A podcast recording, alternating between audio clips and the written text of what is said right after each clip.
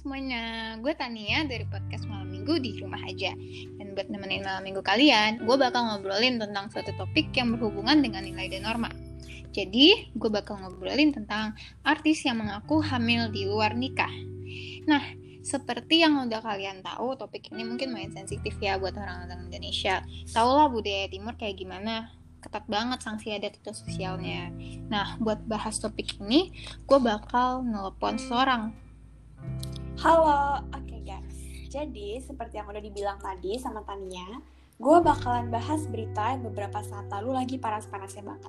Kali ini gue akan jadi narasumber buat podcast Malam Minggu di rumah aja. Oke, okay, silahkan kenalin diri dulu. Kenalin, gue Vivi, dan gue yang bakal nemenin Malam Minggu kaula muda yang lagi pada di karantina ini. Nah, tapi sebelum itu gue mau kasih disclaimer kalau semua yang kita omongin di sini itu bukan buat menjatuhkan pihak mana pun. Oke, langsung aja. Jadi, pasti semua pendengar di sini tahu artis dong. Nah, pasti adalah artis yang mungkin suka kalian jadiin role model gitu-gitu. Nah, hmm. dari sini kita bisa tarik kesimpulan kalau apa yang dilakukan orang lain itu bakal berpengaruh juga sama diri kita, ya nggak? Hmm, iya betul. Jadi pasti selalu ada proses penyerapan budaya atau nilai-nilai dari orang-orang yang berpengaruh ini. Iya, tapi hasilnya juga ada yang sifatnya negatif. Misalnya ya pengaruh artis hamil yang lagi kita bahas ini. Iya, sekarang tuh banyak banget weh gue nemu kasus cewek-cewek yang hamil luar nikah. Nah, kan kita lagi bahas artis yang aku hamil luar nikah. Ada korelasinya nih. Nah, apa tuh? Jadi, ya pasti kita tahu dong kalau di dalam budaya barat berhubungan seksual sebelum resmi menikah tuh udah hal yang lazim banget. Mm-hmm. Nah, kena lah ke pola pikir orang-orang timur kayak kita alias terpengaruh. Dan ya, kalau dari hasil riset dari seorang dokter yang pernah gue baca, ada banyak siswi yang mengaku kalau mereka tuh nggak malu hamil luar nikah. Hmm, serius tuh? Mm-mm, keburu telat. Wah, udah kayak gini kan pasti juga ditentang beberapa norma-norma tuh.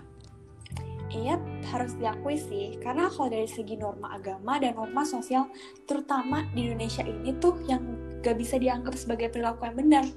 Justru hmm. ini menjurus banget ke perilaku menyimpang. Hmm, aturan sosial yang berlaku di barat sana dan di Indonesia pasti ada yang beda. Tapi di konteks ini ada aja orang-orang Indonesia yang akhirnya ngelakuin proses imitasi terhadap budaya barat. Nah, kan dari judulnya ada kata artis ya. Kalau sepengetahuan gue artis mana aja sih yang udah mengaku hamil luar nikah? Pasti banyak banget. Iya, kalau yang gue tahu baru-baru ini ada artis Indonesia yang mengaku hamil luar nikah. Inisialnya NF.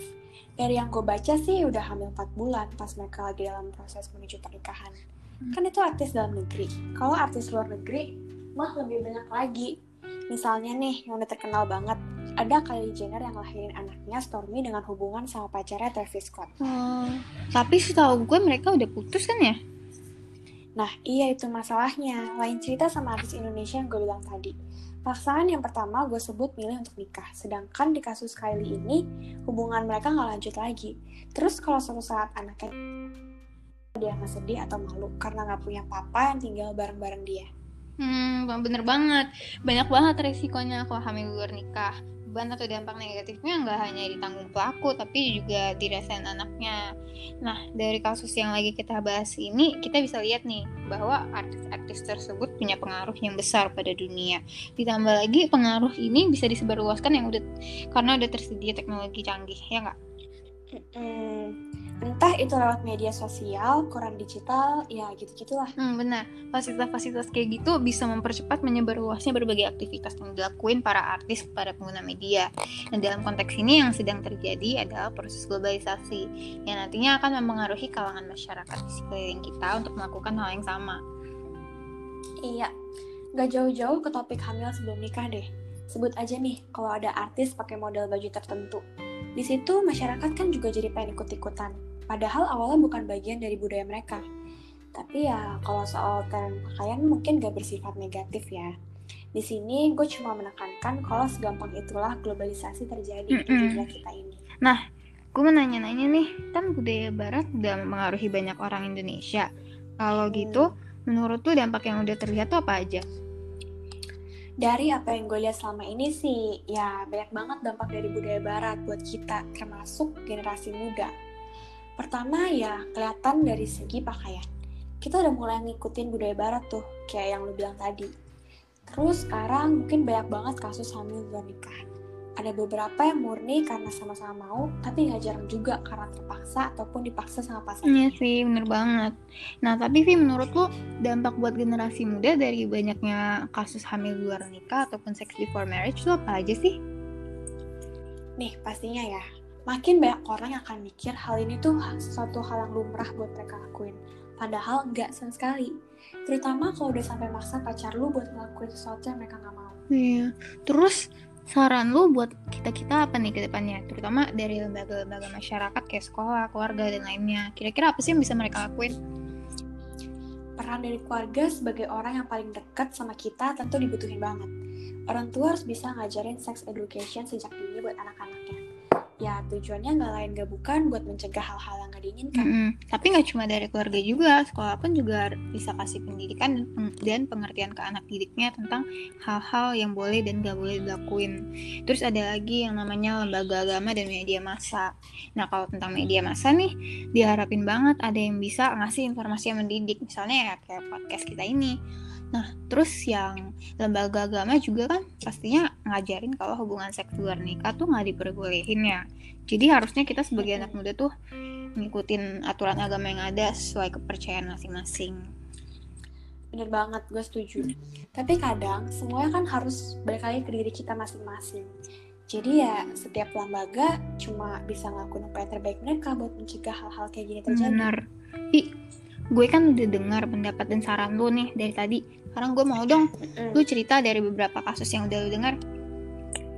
Oke, sekarang gue akan cerita gimana sih kalau misalnya ada kasus hamil luar nikah itu. Kita semua kan tahu kalau di Indonesia ini masih tabu banget tentang hal-hal kayak gini.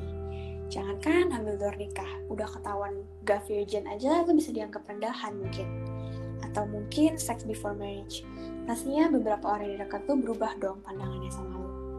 Banyak banget dampak yang bakal dialami seseorang, baik psikis maupun emosi. Udah terlalu banyak orang yang mengatasnamakan cinta dan kasih sayang buat nutupin semua kesalahan mereka. Terlebih ya, lu tau sendiri kalau misalnya anak-anak remaja seumuran kita gini, emosinya tuh masih labil banget. Mereka masih belum bisa kontrol emosi dan keinginan mereka dengan baik. Jadi ya nggak heran banyak yang kecelakaan. Hmm. Terus kalau sampai ke up ke publik, bisa bayangin kan gimana perasaan dia sama tanggapan orang-orang di sekitar dia. Ya, gue cuma saranin kalau emang pacaran tuh bener-bener serius buat bangun satu sama lain aja.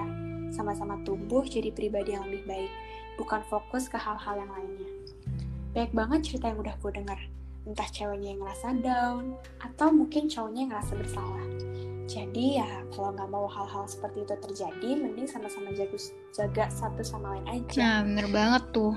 Makanya sayang banget ya kalau lihat mereka-mereka yang jadi kesusahan karena nggak bisa nyaring budaya luar masuk ke sini. Mm-mm. Gue juga bisa menyimpulkan sih, semua kasus itu kan terjadi karena kelalaian dan emosi yang belum stabil. Jadi kalau emang belum bisa komit untuk serius dan saling menjaga, mending nggak usah pacaran dulu ya nggak, Vi? Bener banget, mending kayak kita gitu kan, jomblo. Oh, oh, oke. Jadi kalau udah diskusin kayak gini, kita bisa lihat kalau setiap lingkungan tuh punya kriteria nilai dan norma yang beda-beda. Kita juga bisa lihat kalau globalisasi itu mungkin mungkin banget buat ngasilin perilaku yang menyimpang dan berdampak negatif. Resiko yang perlu ditanggung masyarakat yang terlibat dengan isu ini pun banyak. Ini alasannya kenapa lembaga-lembaga sosial yang tadi dibahas tuh punya peran penting buat nanganin hal ini.